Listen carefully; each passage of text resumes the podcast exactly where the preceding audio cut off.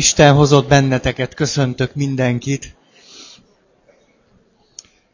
Ott tartottunk, hogy az eredetileg pozitív apakomplexusról beszéltünk, először a férfiak esetében, aztán a nőkre vonatkozóan, és mikor kitárgyaltuk az eredetileg pozitív apakomplexus hatását, egyrészt a férfi, másrészt a női életútra és a társkapcsolataikra nézve, akkor kezdtünk el beszélni arról, hogy mit is jelent het a kiút, az egyoldalúan, eredetileg pozitív apakomplexus által vezérelt életből.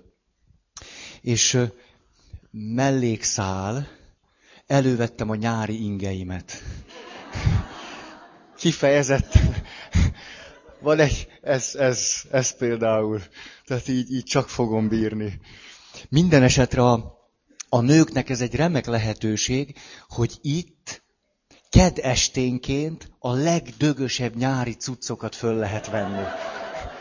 Hát én csak próbálok buzdítani benneteket, hogy eh, eh, hogy mondjam, hogy a férfiak ezt szokták látni, hogy valahogy a, a szép nők egy sajátos téli álomba merülnek télen, ugye a kabátok, meg bundák, meg minden mögé rejtőzve, de itt virulhattok.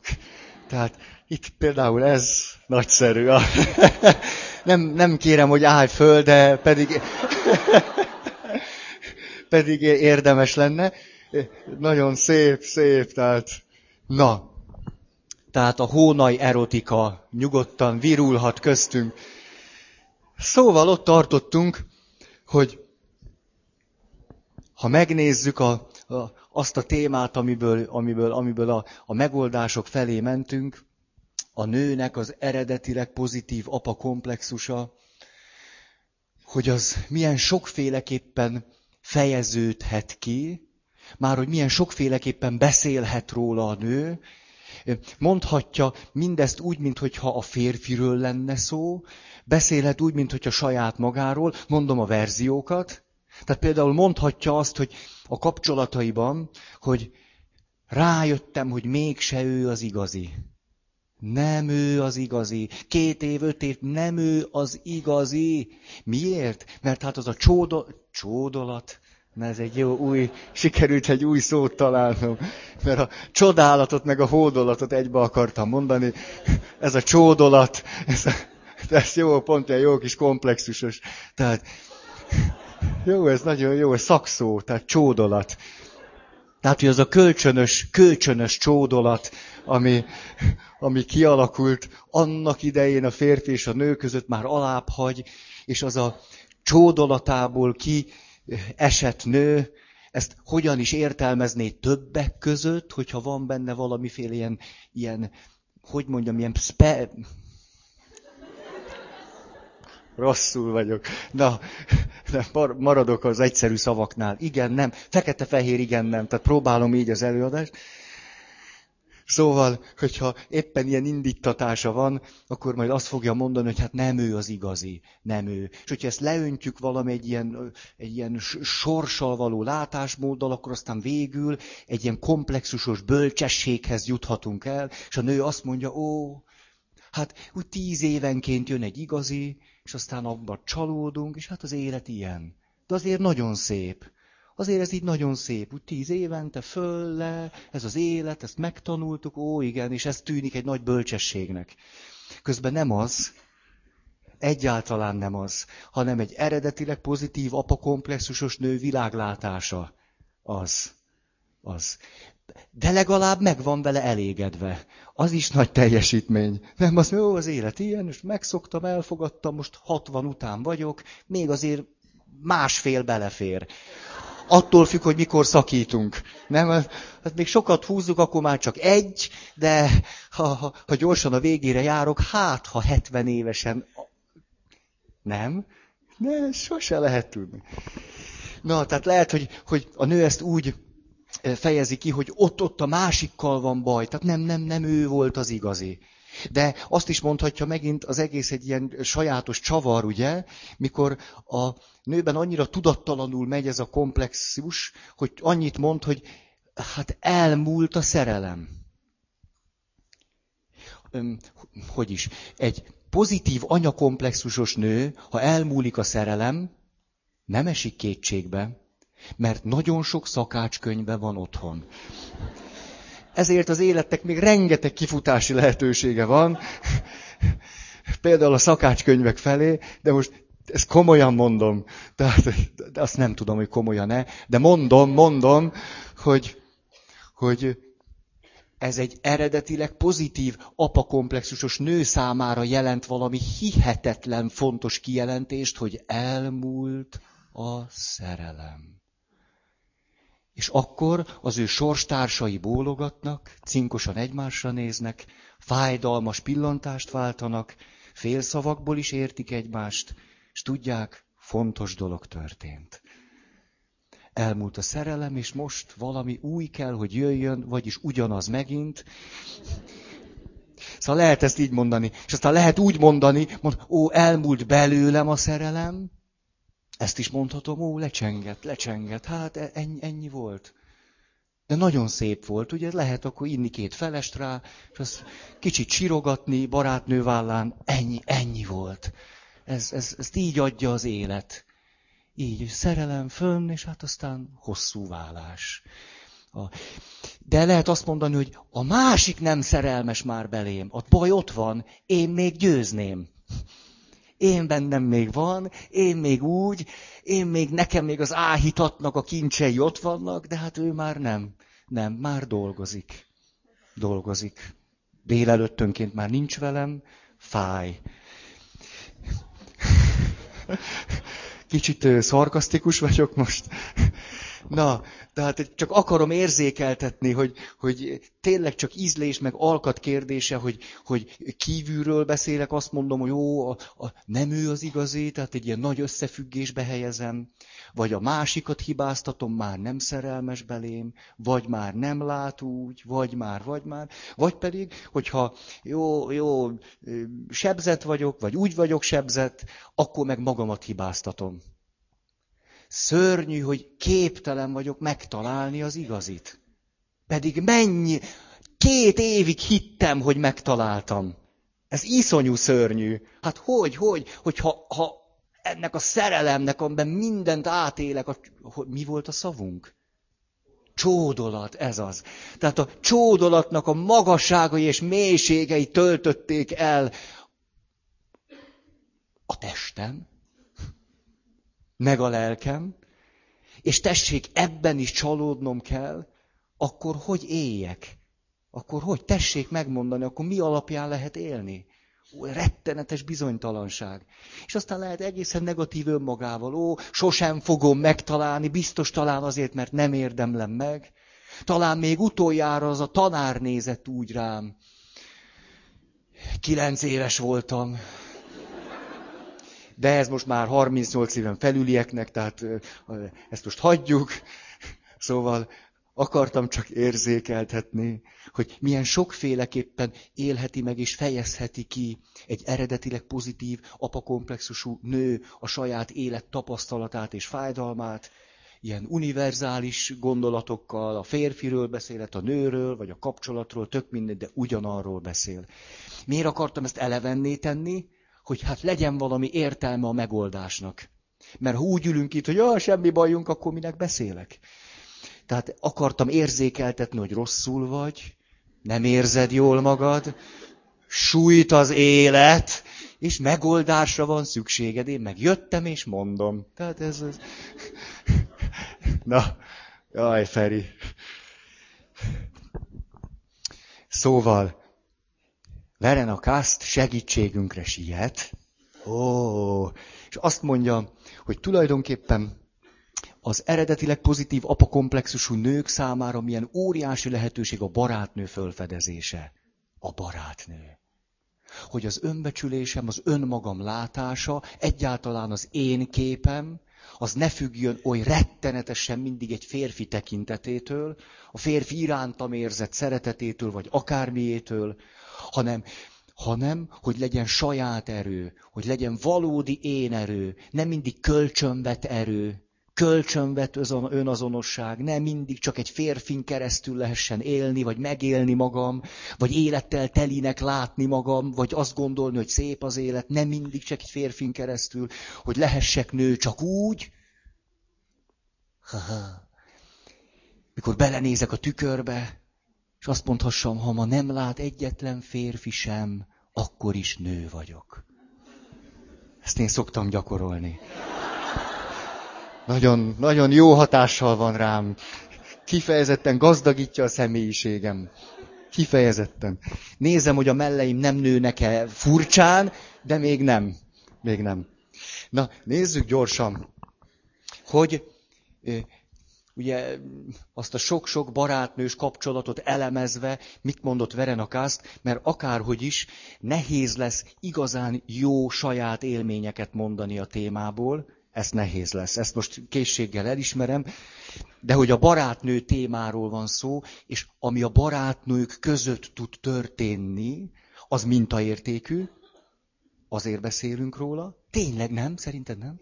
De, de, de, de. Azaz mintaértékű, és hogy aztán abból pedig egy kapcsolati kultúra nagyon fontos elemeit fogjuk szintetizálni. Ez a terv. Mára.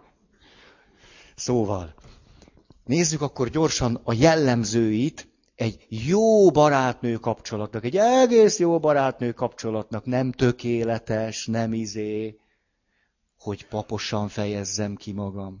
Tehát egy, biztonság. Nem kell szoronganom. Biztonságban vagyok a legjobb barátnőmmel, immel, ámmal.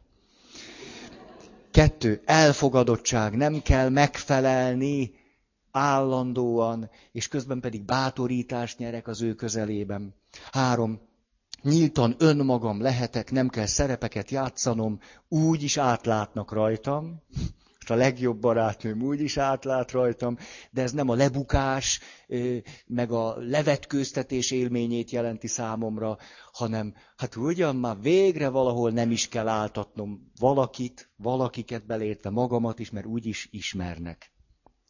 Aztán mondhatom és megélhetem az érzéseimet, előkerülhetnek a félelmek félelmek. Végre nem kell erősnek mutatkozni ebbe a férfi világban.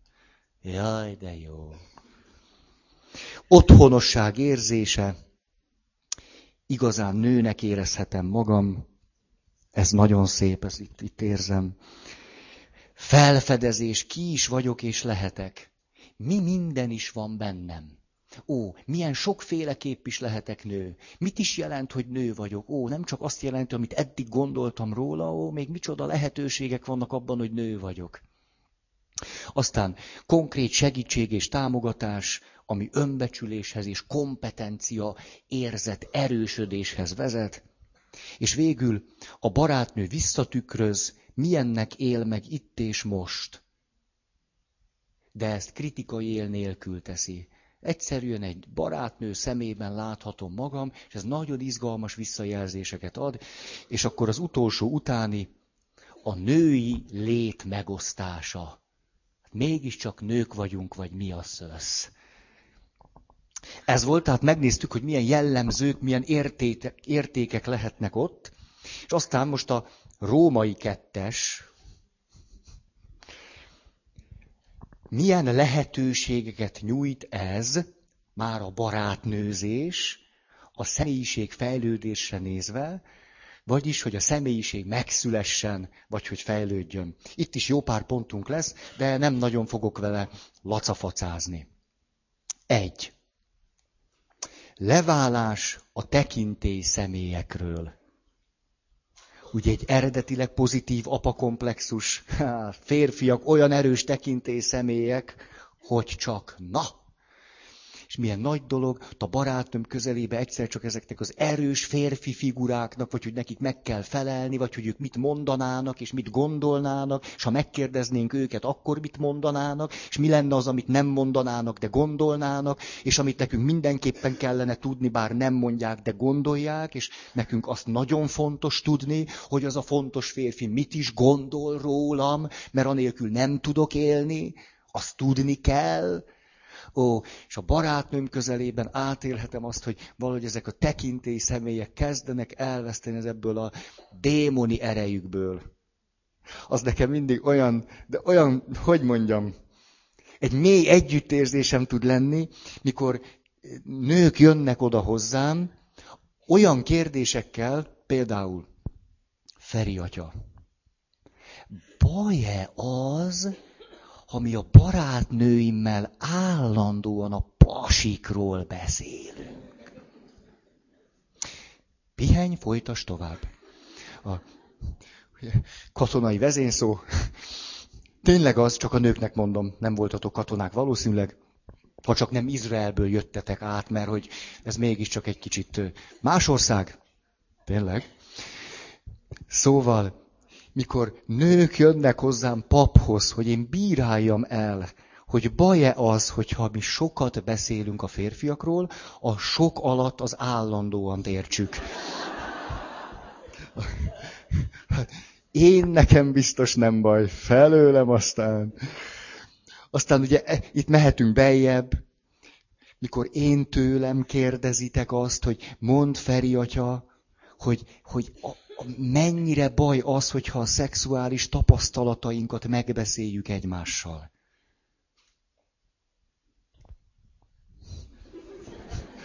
Közöm hozzá. Hát, és aztán baj-e az, hogyha a barátnőnknek elmondjuk, hogyha bajunk van a férjünkkel? És aztán ez a kérdés ezerféleképpen. Ó, és nekem komolyan, én olyan, olyan, szóval egy ilyen belső mosolyjal együtt érzek, legalábbis azt idealizálom magamról,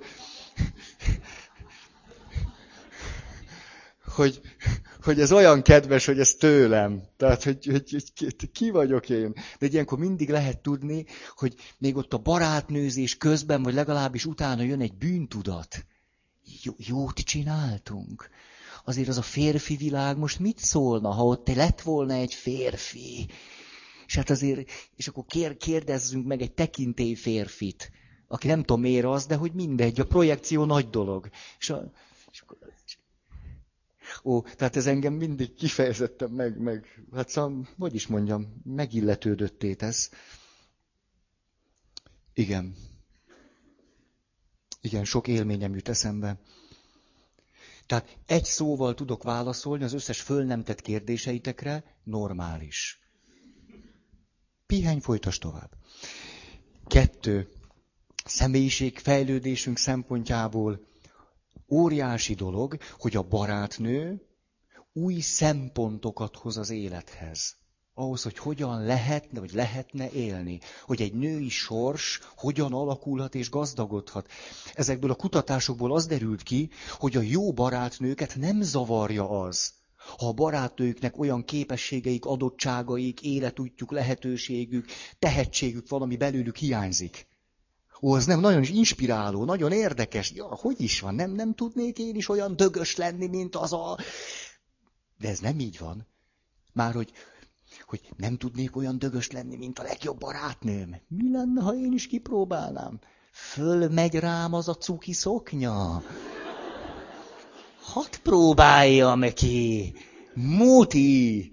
És mondd csak, mikor vetted azt a dögös combfixet? És különben is hol?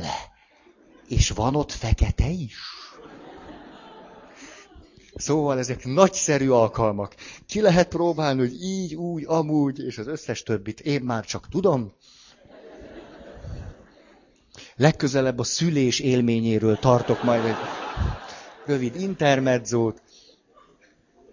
De minden esetre az irodalom azt mondja, hogy, hogy az új szempontok nagyon inspiratívak tudnak lenni, és épp a barátnőm az, ahol nem a féltékenység tör elő, hogy neki van, nekem nincs, töröm, hanem hogy lehetőségként élem meg.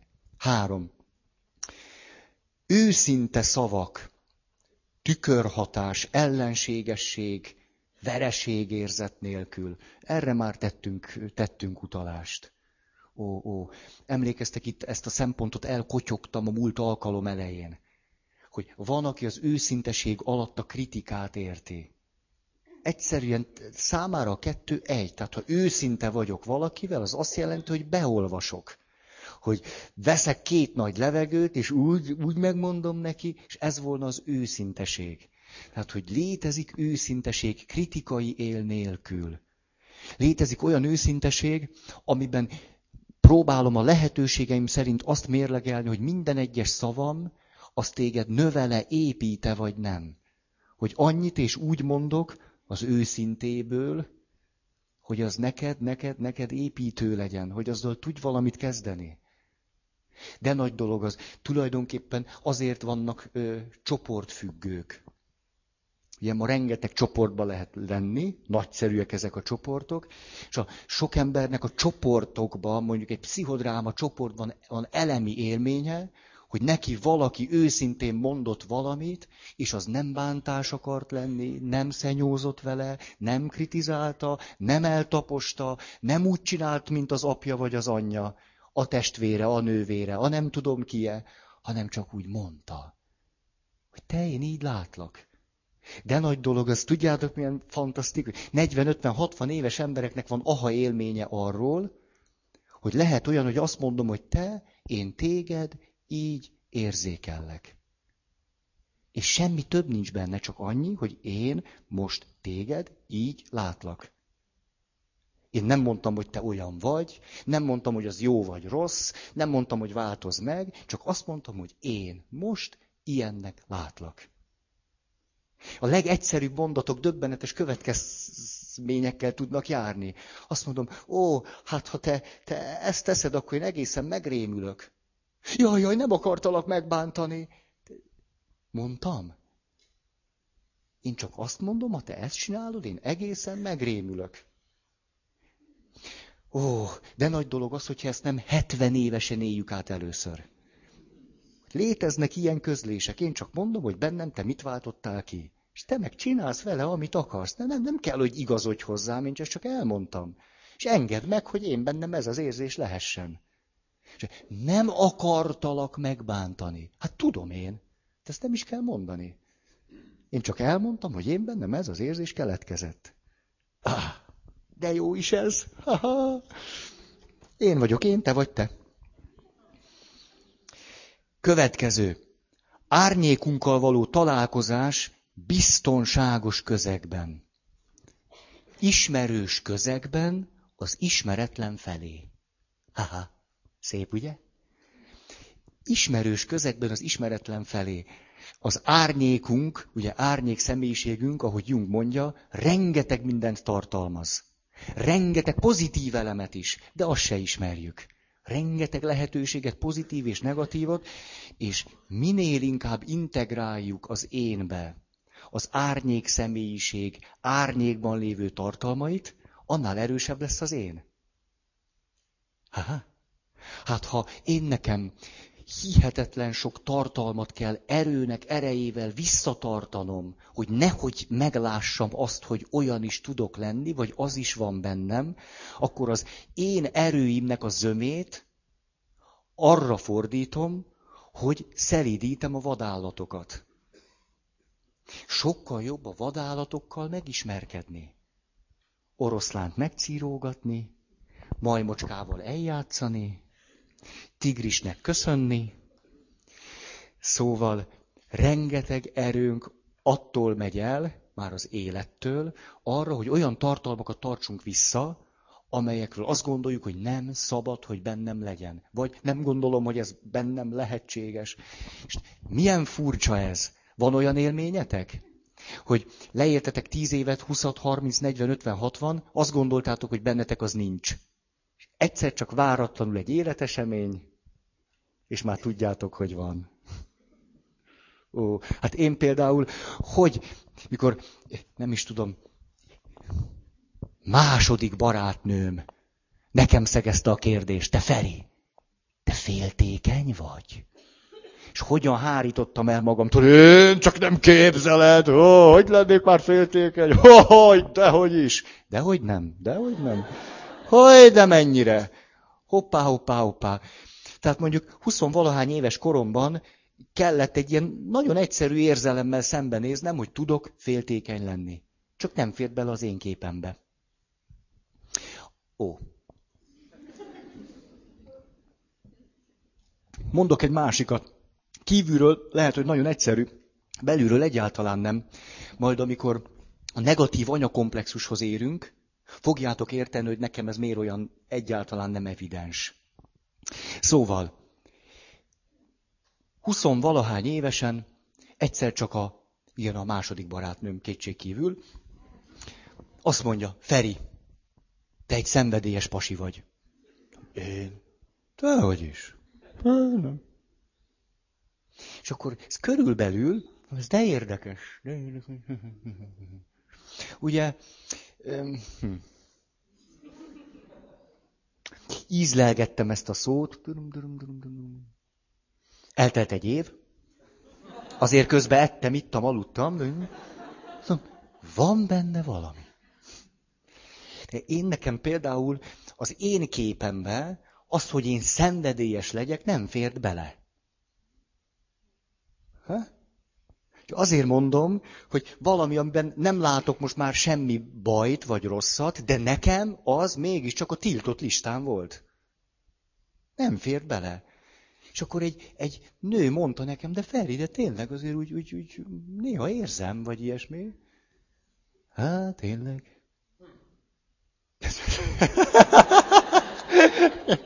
Jó, most, most, most kell tovább mennünk.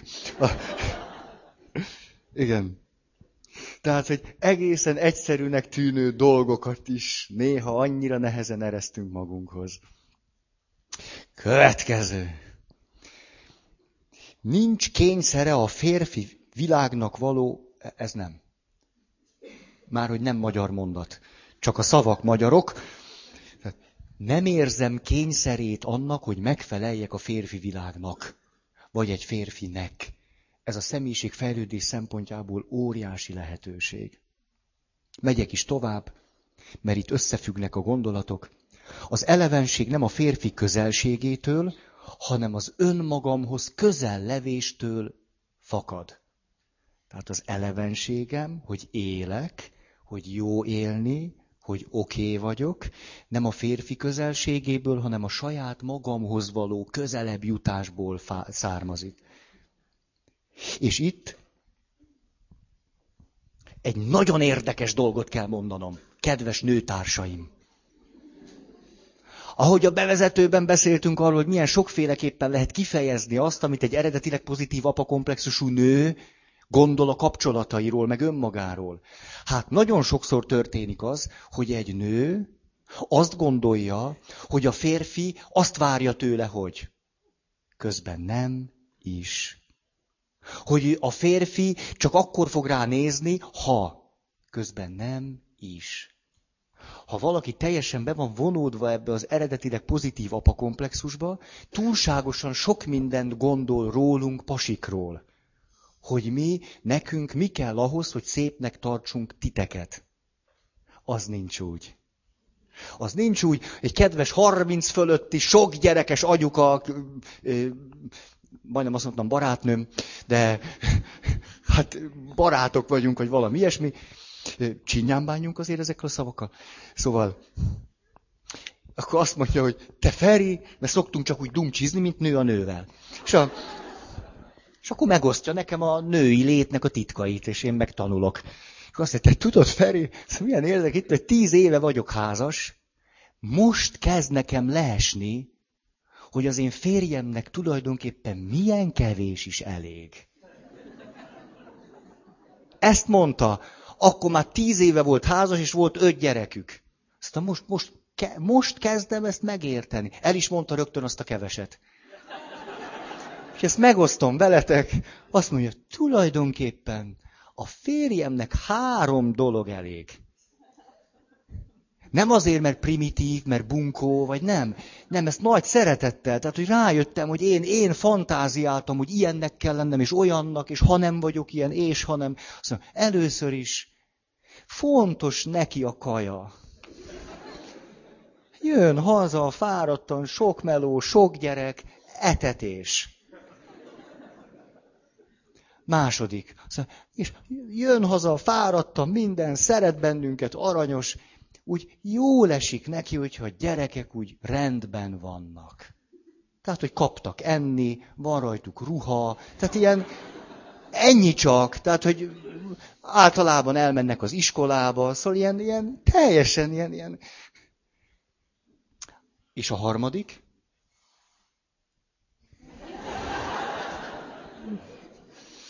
Kell mondanom, trikós hölgyek. Azt mondja, hogy legyek egész jó az ágyban.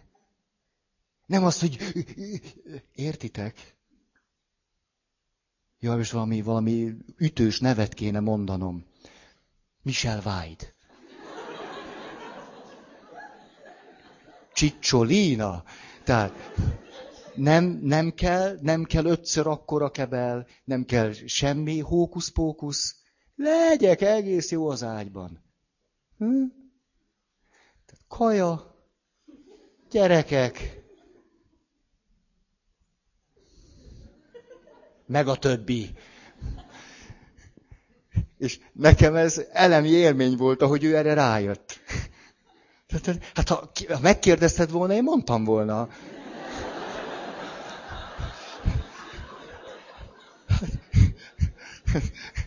Ez neki volt újdonság, nekem nem. Tehát, hát a férjével is jóba vagyok. Hát.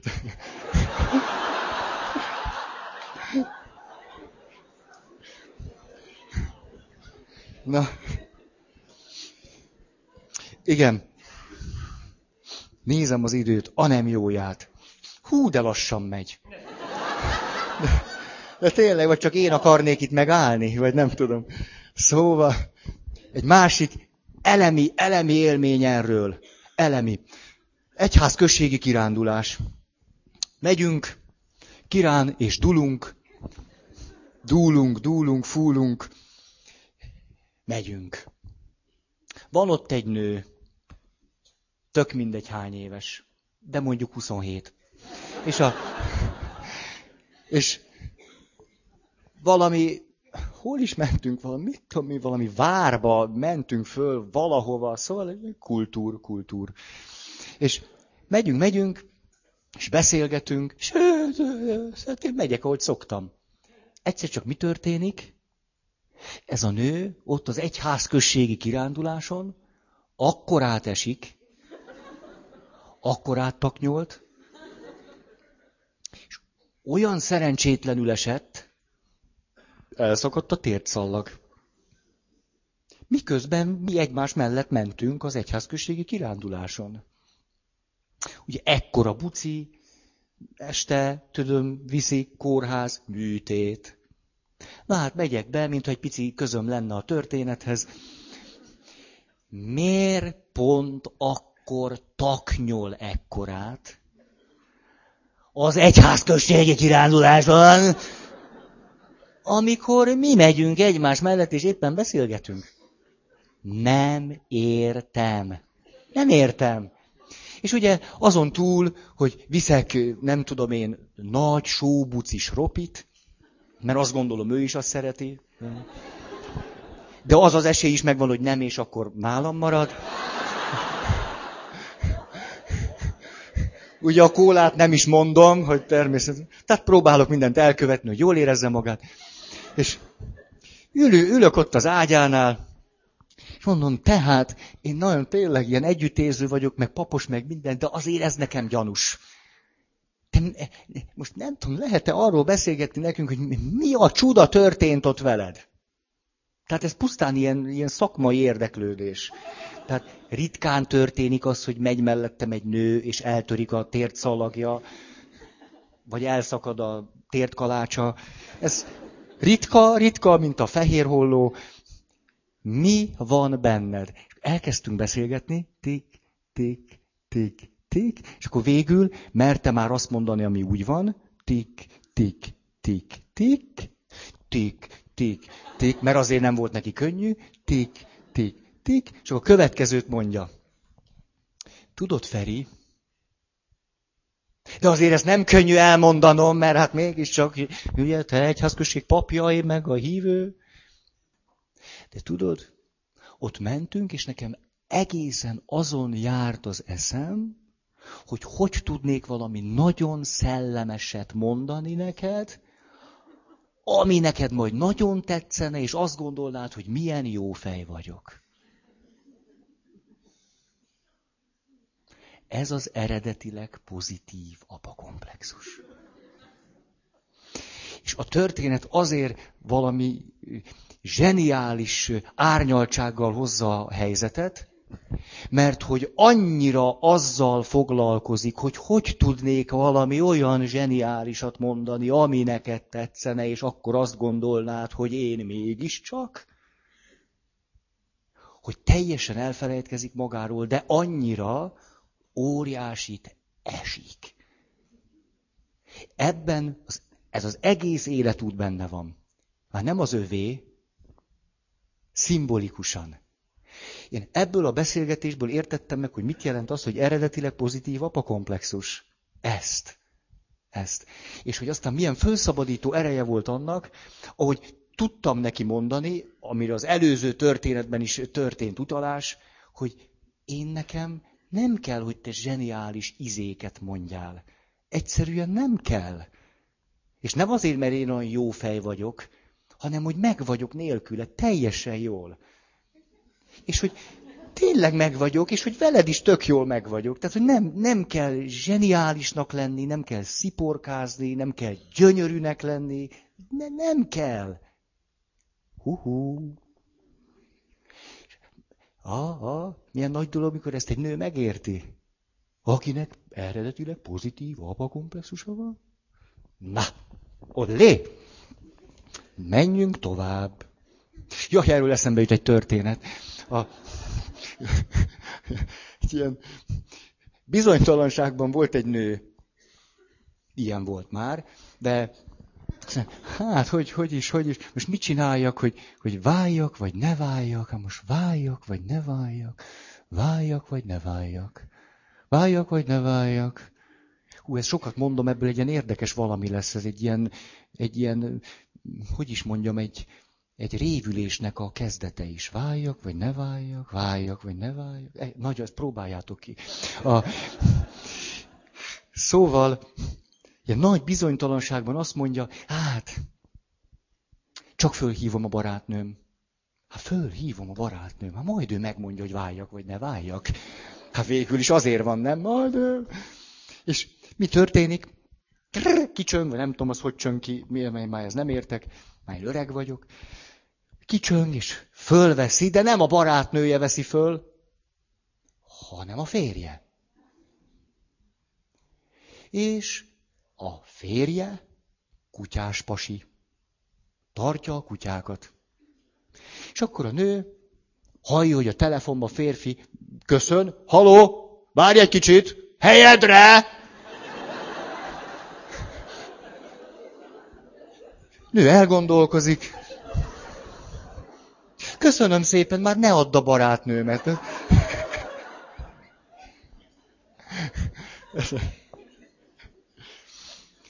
Milyen fontos a kutyatartás, ez a tanulság. Nagyon, ez a helyedre. Na. Igen, nem a férfira figyelni, hanem kipróbálni, megélni magamat. Tehát egy, egy jó barátnővel való kapcsolatban nem a férfire figyelek, kipróbálom, megélem magam. Ó, különböző mondjuk 20-as, 30-as, 40-es éveimben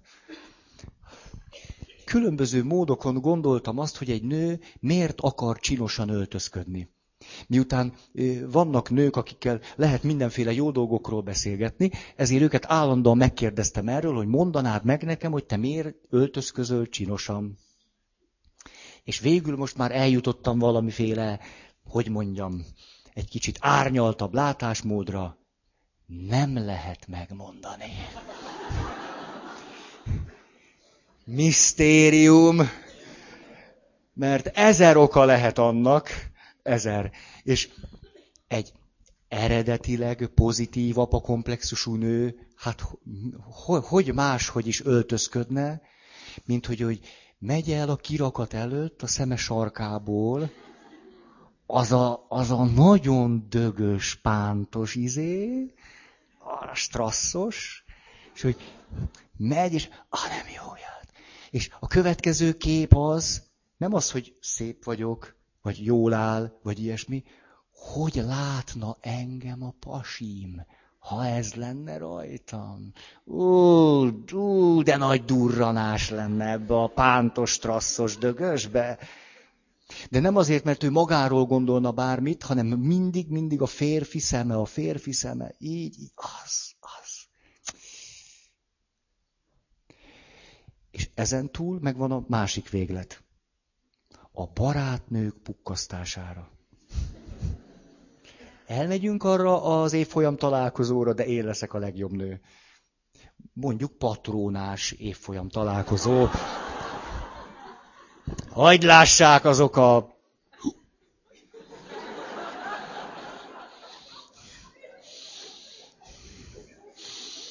Hétnél tartok. Jó van, nem jött ki. Ben maradt, de nagy, tényleg, a gyomorrontásnál is de nagy dolog, az benn marad. Oké, okay. nézzük akkor meg ugyanezt a történetet a fonákjáról. Mik a nehézségek a barátnőzéssel? Mi van akkor, hogyha a barátnővel való kapcsolat nem a személyiség fejlődés irányába hat, hanem a leépülés irányába, hogy ilyen kifejezést használjak, egy. Ha túl erős az a tekintet, ahogy a barátnőmben az anyámat látom. Azt mondja Verena Kast nagyon szépen, legalább háromszor, négy helyen. Azt mondja, nagyon is nagy értéknek látom azt, hogy a nők a barátnőikben képesek az anyát látni és képesek megengedni maguknak azt, hogy a barátnőjük olyan jó anyaként tudjon mellettük lenni. Azt mondja ezzel, semmi probléma nincsen. De milyen zseniális érzékre val a nők részéről, hogy erőforrás tudnak meríteni abból, hogy a barátnőik tudnak anyák lenni velük kapcsolatban, és ez előhozhatja az összes jó élményüket. Dididim, dididim, nagyszerű. A negatívum akkor jön elő, hogyha ráakaszkodok a másikra. Mondja Verenakaszt. Mikor nem engedem meg neki, hogy ő maga legyen, ő neki anyának kell lennie mellettem, és én mondom, mint a zuhatag, és ő vigasztaljon, és szeretgessen, és azért van. Tehát nagyon jó, ha tudjuk egymást anyának látni, és bele tudunk menni ebbe az anyai gondoskodásba, szeretetbe, de az más, amikor azt ki akarom zsákmányolni és követelményé válik. Kettő, csorda szellem. A nők csorda szelleme. Van férfi csorda szellem, szörnyű az is, a női csorda szellem máshogy szörnyű.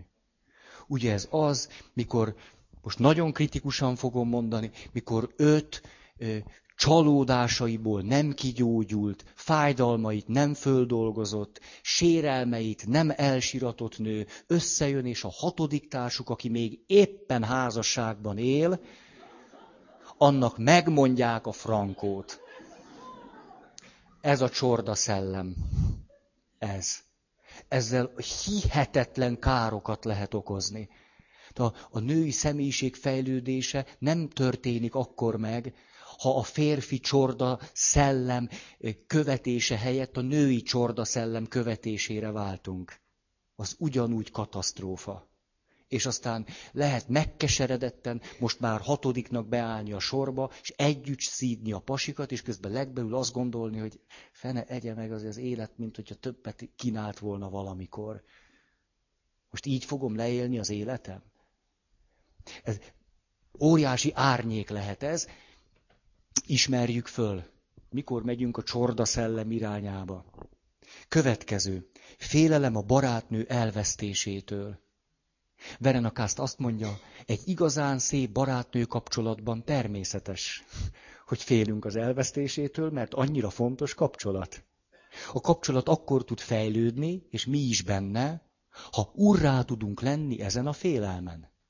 És nem a félelem kezd el vezetni bennünket, vagyis kezdjük elrejteni azokat a gondolatainkat, érzéseinket, amelyek azt a félelmet erősítenék föl bennünk, hogy ha azt most elmondanám, megjeleníteném, akkor elveszíthetnélek téged.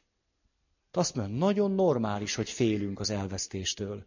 És nagyon jó, hogyha nem a félelem alapján vagyunk együtt. Ha elvesztelek, hát elvesztelek. Azt mondja, határok nehéz megtalálása. Hol vagyok én, hol vagy te, hol a te életed, hol az enyém. Ugye keresztül kasul 50 ezer tanácsot adunk, hogy hogy kéne élned. És te is el, hogy nekem hogy kéne, és, és megoldjuk egymás életét, csak a sajátunkat sose. Ez ez. Mindenki a maga életét oldogassa. Következő, rivalizálás a barátnővel, győzni akarás. Kinek van nagyobb háza, nagyobb autója, nagyobb férje, és tök mindegy. Számomra mértékadó, bölcs, pszichológus nők erre azt mondják, bizony, ezzel sírba lehet vinni a férfiakat. Igen, igen, igen, mikor a, persze a férfi is benne kell, hogy legyen. Ugye? Nyomja, nyomja, nyomja, és akkor 50 éves korában első infartus, 57, második, és aztán utána már szögelik a koporsót. Trillala, trallala. Következő. Túlságos ragaszkodása mihez? Már a mihez, a szimbiotikus együttléthez. Tehát barátnő függés. Így, így, így, így hogy tulajdonképpen az életem legjobb eseménye, amikor együtt vagyunk, és jó, ezt nem is rakozom tovább. Igen.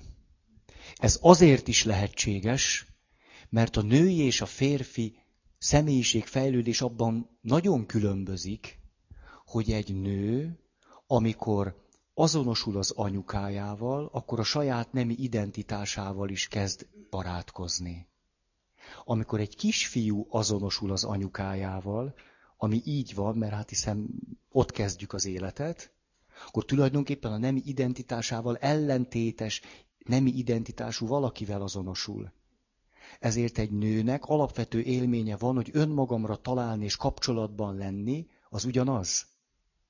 A férfi a személyiség fejlődésében már ott egy nagy lépést kell, hogy tegyen, hogy kapcsolatban lenni és leválni az jelenti azt, hogy én önmagam vagyok. Érthető a különbség? Egy nőnek kapcsolatban lenni és önmagamnak lenni, az ott pont találkozik. Egy férfinél elválik. Ha, ez nagy különbség. Ezért ö, nagy szippantó ereje lehet az, hogy jó, mi barátnők, és aztán az összes többi hülye. A férfi számára fenyegő, fenyegető lehet a szoros barátnői kapcsolat, Miért is? Mert a kutatások azt mondják, hogy tulajdonképpen mi férfiak végül is a feleségünkre támaszkodunk. Ezt tudjátok? Hogy még az elvált pasik is azt mondják, hogy még leginkább az elvált feleségemre tudok számítani. Hmm. Mi férfiak sokkal inkább kiszolgáltatottak vagyunk, sokkal, sokkal. Ezért a férfi valóban nagyon fenyegetőnek tud olyasmit is megélni, ami egyébként nem ellene van. És semmi kára nem lesz belőle, azt is tudja annak megélni. Ha meg ellene van, akkor pláne. Lásd csorda szellem. Igen, túlságos azonosulás a barátnővel. Ugye a barátnőm boldogtalan, hazamegyek és egy hétig sírok. Ismerős ez? Én is teljesen átveszem a barátnőm hangulatát, és zokogok, és sírok, és ki vagyok készülve. A férjem meg mehet pecázni. Akkor is, ha nem tud. És a következő túl sok szexualitás a barátnő kapcsolatban. Azok a nők, akik erről beszéltek, azt mondták, hogy ha nyíltan beszéltek, és nem volt itt nagy akadály, hogy természetesen minden vonzalom, minden szimpátia valamiféle erotikus töltettel rendelkezik. Valamiféle testi vonzalmat magába foglal. Ez nagyon normális. Ezért tehát a barátnők között is nagyon normális, hogy valamiféle vonzalom van a barátnőm teste iránt is. Tehát vagy tetszik, vagy szimpatikus, vagy kedves, vagy jó hatás, mit tudom én. Itt egy nehézség lehet az, hogyha nem tartunk határokat. Hát nem, igen, hogy kinek nehézség vagy nem, hát nem tudom. Minden esetre elmondanék egy viccet a férfi világból. Mert mégis csak abban otthonosabb vagyok. Elmegy a férfi az orvoshoz. Az orvos néhány másodperc után a férfinek a következő tanácsot adja. Kedves uram, abba kellene hagynia a maszturbálást. Mire a férfi, na de miért? Mert így nem tudom megvizsgálni.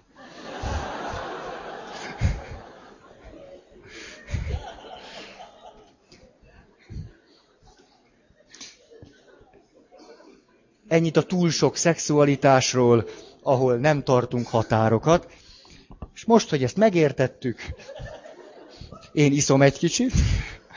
Hú, de hogy, hogy néztek rám néhányan? Ti egészségetekre. Hmm. Szóval, Mária Rádió. Nehéz a te sorsod. Sok mindent kell kitaszítanod az öletből. Na szóval, most nézzük azt, hogyha beszéltünk a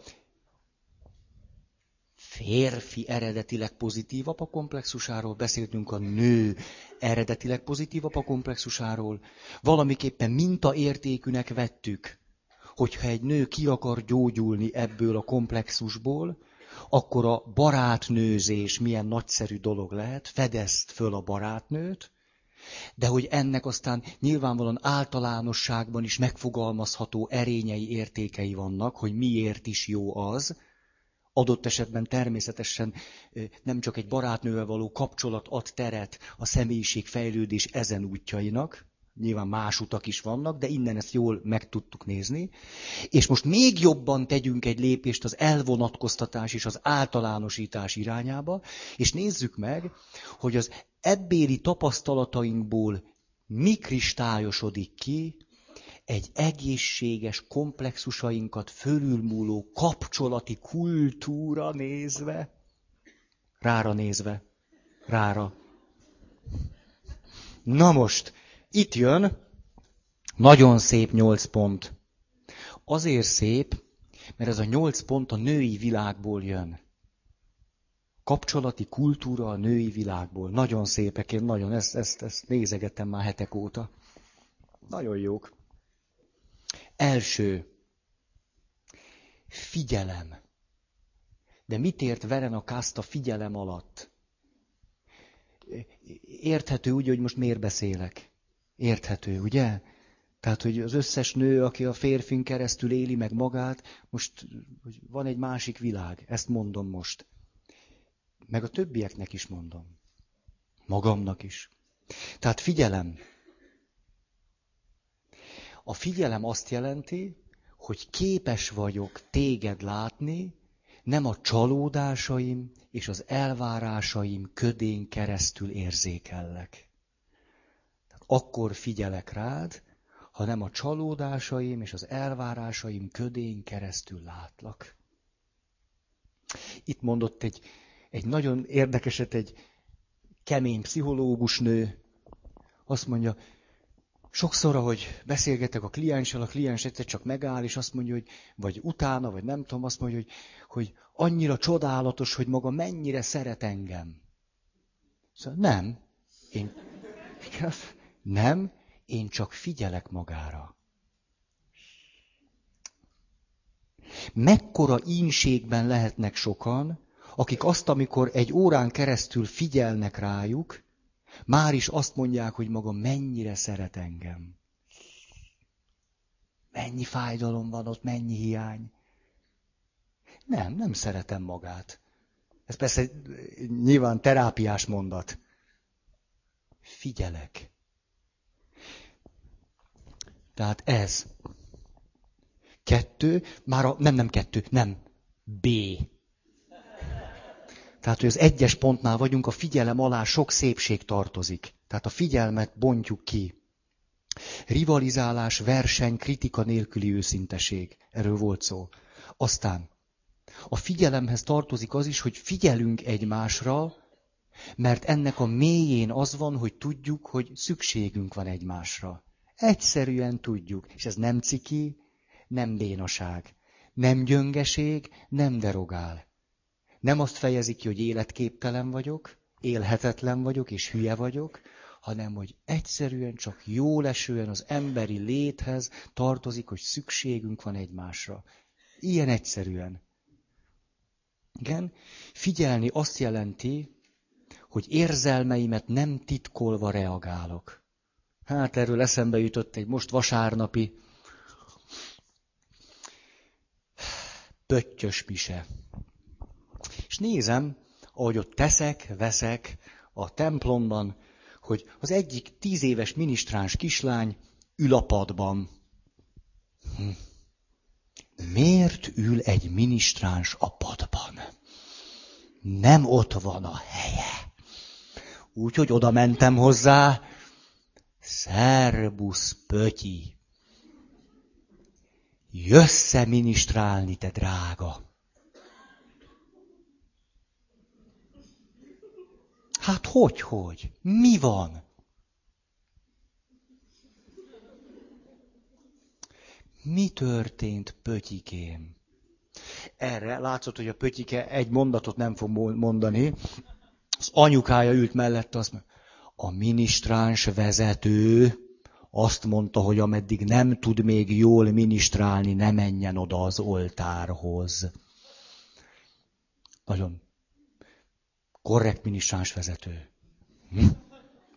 Miért kéne értenie egy tíz éves kislánynak a lelkét? Hm. De attól annak a kislánynak még egy tíz éves kislány lelke van. Úgy, hogy ül. Hm.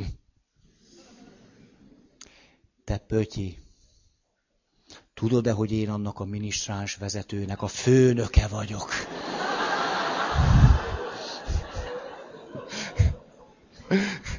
De, de amire el akartam mondani, hogy tudjátok, annyira az volt bennem, ott láttam ezt a kislányt, kezdett lefele görbülni a szája. Homályos volt a szeme, és azt gondoltam, sírna, dühös lenne, szomorú lenne, kiabálna, bosszút esküdne, mit tudom én, jobb lenne, mint ez. Hogy nem fejezzük ki, hogy egy nagy élmény a férfi világról. Hmm, persze tudom máshonnan is látni, most erősödik az énje. Ez igaz is. Igaz is, de akkor is. Na, úgyhogy megbeszéltem a minisztráns vezetővel. Mindent a pöttyökér. Na aztán, tehát, hogy érzelmeit nem titkoló reagálás, ez a figyelem. És aztán még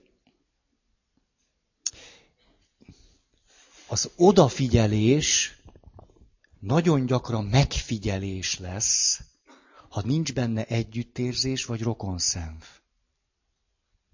A mi ö, találkozásaink is többeket arra sarkal, hogy odafigyelés helyett megfigyelje élete párját. Én nem bátorítlak erre. Te csak figyelj rá.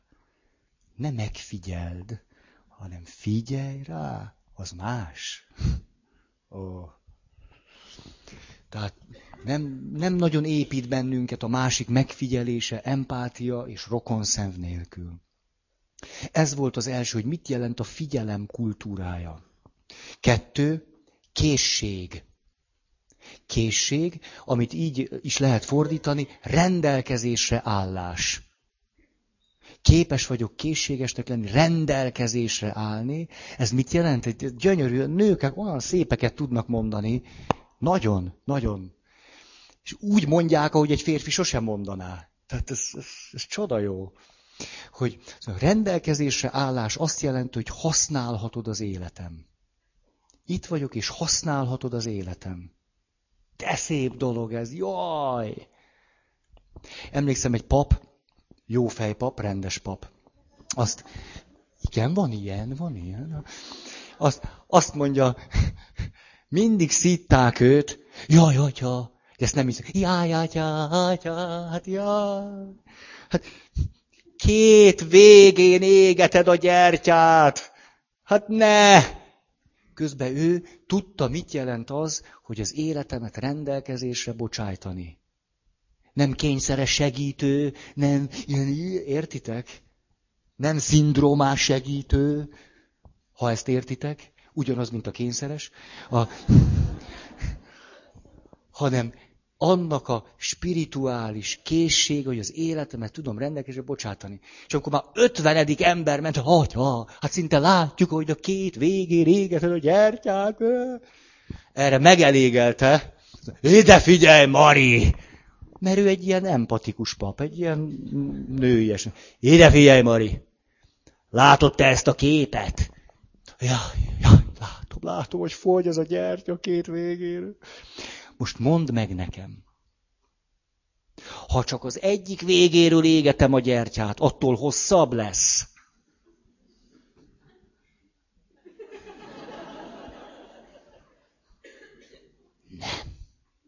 Na hát, akkor hagyjál békén.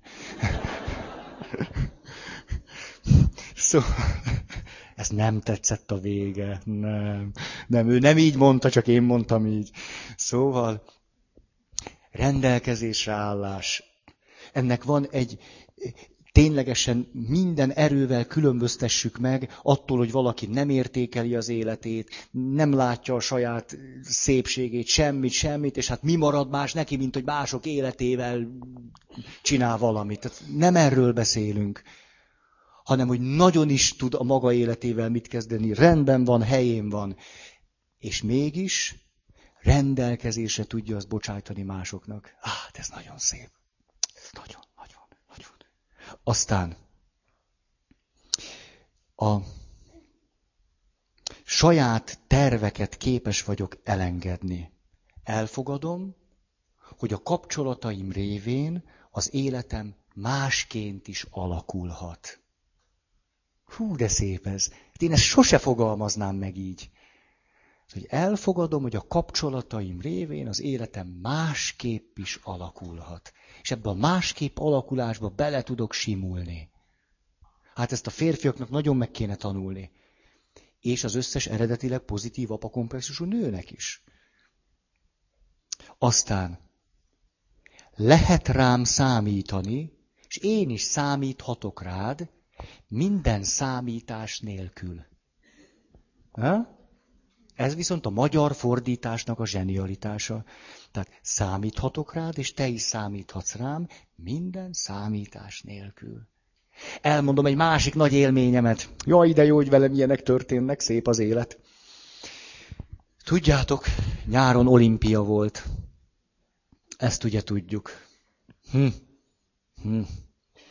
Minden esetre, mondom májusban a barátaimnak, meséltem már ezt a történetet? Nem meséltem olimpiás történetet? Pillanatra. Képzeljétek el, hogy mondom májusban a barátaimnak, mikor kérdezik, hogy na Feri, nyár, hogy lesz, hogy lesz, mondom, úgy vettem ki a szabadságomat, olimpia beleessen. Atlétika beleessen, hazamegyek, tíz napig nem jövök elő a szobából, pizzafutár jön naponta. Én meg ott ülök reggeltől estig, nem is hajnaltól délutánig. Hm. Kedves barátaim elborzattak. Tulajdonképpen utólag kiderült, hogy beszéltem velük, a pizzafutáron borzattak el. És a következő zseniális ötlet körvonalai rajzolódtak ki kollektív tudatukban. Odaálltak, és azt mondják, Feri, Tudod, hogy nálunk, ez így is van már az egyházközségben, van olyan, hogy komatál. Most a komatál az az, hogy amikor megszült az ifjú anya, van neki elég baja, Ezért aztán a barátnők, a barátok viszik egy hétig, két hétig, attól függ, hogy hogy, a kaját. És nem kell főzni, elég, hogy van gyerek. Tudod mit, komatálazunk neked az olimpia alatt. Hát egy jót röhögtem ezen. Ha, jó ötlet, persze. Aztán jó van, 25-ször elfelejtik. Igen ám, de júniusban Tedeum, évvége, jönnek hozzám. Kis csoport. Feri, összeálltunk, megbeszéltük, riadólánc, minden. Úgyhogy visszük neked a komatálat, már ha van hozzá kedved, és utána mindenkit, aki tudja, hogy hol laksz, azt lenyilazunk. Na ez meg nekem tetszett. Na ez, ez, ez, ez, ez jó. És képzétek el, hogy augusztus nem tudom én mikor, 13-án mondjuk, hogy egy ilyen szerencsétlen napot vegyünk. Egykor csöngetnek, és jön két édesanya, az egyiknek három gyerek, a másiknak négy, és hozzák a papnak a komatálat. Én meg szültem, szültem az aranyérmeket. Hát, nehéz szüléseim voltak, jaj, de megkínlódtam. És képzeljétek el, amikor az olimpia ment, komatálasztak a papnak. Paptál. Ez azért olyan szép történet nekem azon túl, hogy jól esett, mert hogy látjátok, egy élő keresztény közegben a pap lehet ember. Tehát nézheti az olimpiát szabad idejébe, és visszük neki a kaját. És így ennyi. Hát ez, értitek? Kövi Szűz Mária, római katolikus egyházközség. Igaz hívők, figyelmezzünk. Na menjünk tovább. Ebből is látható, milyen jó dolog papnak lenni. Szép, szép. Na, igen, rendelkez velem szabadsága. A, a rendelkez velem szabadsága ez olyan... Ismeritek azt a... Ismeritek azt a koant? Találkozik a tanítvány a mesterrel. A mester meghajol a tanítvány előtt. A tanítvány meghajol a mester előtt. Mire a mester fogja bambuszbotját, és jó nagyot rávág a tanítvány vállára. Másnap találkozik a tanítvány és a mester. A mester nem hajol meg a tanítvány előtt. Erre a tanítvány sem hajol meg a mester előtt. Mire a mester fogja a bambuszbotját, és jó nagyot rávág a tanítványra. Pont. Egy zenkóa már csak ilyen. Most olyasmit teszek, amit sose szoktam, egy kicsit várok. Tényleg, mert ha van olyan, aki, akinek fontos egy zenkóan, annak nem szabad gyorsan utána okosat mondani, mert hát, ha eljutsz a szatorihoz. De jó, az egy kis szatori, így, így, így este. Az nagyon jó. Pillanatnyi megvilágosodás. De mindjárt mondom azért, csak, csak, hát, ha csak két embernek jön, akkor már megérte. Hm? A Kóan üzenete, ilyet egy rendes zemmester sose tenne, na de én nem vagyok az. A tanítvány, amikor a mester meghajolt előtte, nem fogta föl, hogy a mester hajlandó tanítvány szerepben lenni. Nem vállalta föl a mester szerepet, ezért kapott egyet. Mikor a mester megállt a tanítvány előtt és nem hajolt meg, akkor mester szerepben akart lenni. De mert a tanítvány nem hajolt meg, mert nem akar tanítvány szerepben lenni, megint kapott egyet. A rendelkez velem azt jelenti, hogy tudok meghajolni, legyen úgy. És tudom azt is mondani, legyen így. Ó, hogy képes vagyok arra, hogy most rendelkez velem. Mi papok ezt nagyon szépen meg tudjuk élni. Leg, leg, leg, leg. Mikor együtt misézünk. Lehet, hogy egy 24 éves káplán a fő celebráns, és az összes többi tekintélyes pap meg csak úgy, úgy aláteszi. És ő mondja meg, és ő. Fú, ez, ez óriási élményem. És nem is tudom, hogy a világban van ez, hogy van-e olyan, ahol, ahol ez ennyire tud, tud lenni. Ez nagyon szép. Mikor a püspök elmegy esketni, és a helyi papocskától engedélyt kér. Ezt tudjátok, így van. Akkor eskedhet a püspök a kövi Szűz Mária egyházközség plébánia templomában, ha én... Na jó.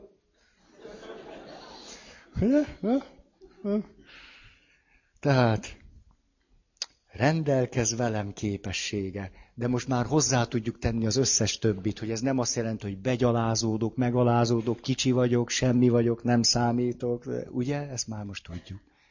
Jó, utolsó még ide, tehát készség. Rájövök arra, hogy a készség költségekkel és haszonnal jár.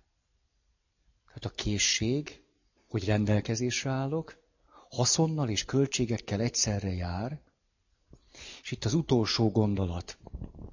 Minden igazi mély kapcsolat, ami így épül, költséggel és haszonnal jár, és mégse a haszon miatt vagyok benne. Hú, hú. De ez idáig még csak nagyon közhelyes valami. Mondom a mélyét. Ez azt jelenti, hogy minden kapcsolatnak megvan az ára. Azt meg kell fizetni. Ezen túl pedig az életnek is van ára. Az ember azt is megfizeti. Mondom a példát, ültünk egy csoportban. És hát egy ilyen csoportban nagyon gyakran történik az, hogy valaki panaszkodik. Valaki mondja, mondja az ő életének a fájdalmait, a sérelmeit, hogy ő vele mi történt, és az történt, és amaz történt. És ugye mit gondolunk, hogy a jó pszichológus mit tesz, a jó csoportvezető és terapeuta mit tesz? Ó, előveszi az anyai énjét, és dajkáló gondoskodással veszi körül az illetőt. Ha-ha, ha-ha. Vagy igen, vagy nem. Mert itt a következő történt. Mondta, mondta, mondta, és aztán persze, ó, nyitott szemmel, nyitott füllel, ránézett a csoportvezetőre, most akkor szeres. És erre a csoportvezető a következő nagyon egyszerű mondatot mondta. Ó, igen, ez a sok minden, amit elmondtál, a te életed ára.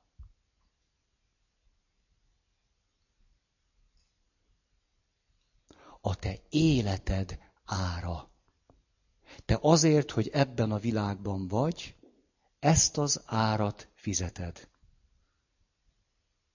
Ez az ára annak, hogy itt lehetsz, hogy élsz.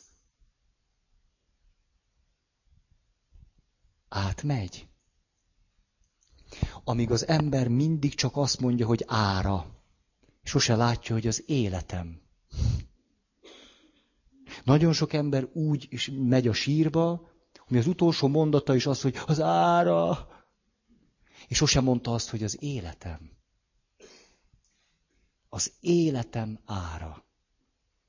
És ez az illető életében először talán, ah, ha, az életem ára. Mindannyian meg kell, hogy fizessük az életünk árát, hogy itt lehetünk. És hogy is van ez? Kinek többet kell fizetni érte, kinek kevesebbet. Ugye így van? Mondjátok azt, hogy ez rettenetes igazságtalanság? Persze, hogy mondjuk. Mindaddig, ameddig azt a szót valóban ki nem mondod, hogy életem. Mert ha azt mondom, hogy az életem ára, akkor tök mindegy, hogy annyit kell érte fizetni. Mert ez az én életem. Ez már az enyém, és ezt fizetem érte. Ameddig azt mondom, hogy az élet ára, ha, addig bajok vannak. Addig azt mondom, a fene egye meg, hogy te harmadannyival is megúsztad. Hogy te az életért csak annyit kell, hogy fizessél, míg én. Ó, megvan ez. Az életem ára. Hm. Meghajlok. Akkor akar-e valaki hirdetőzni?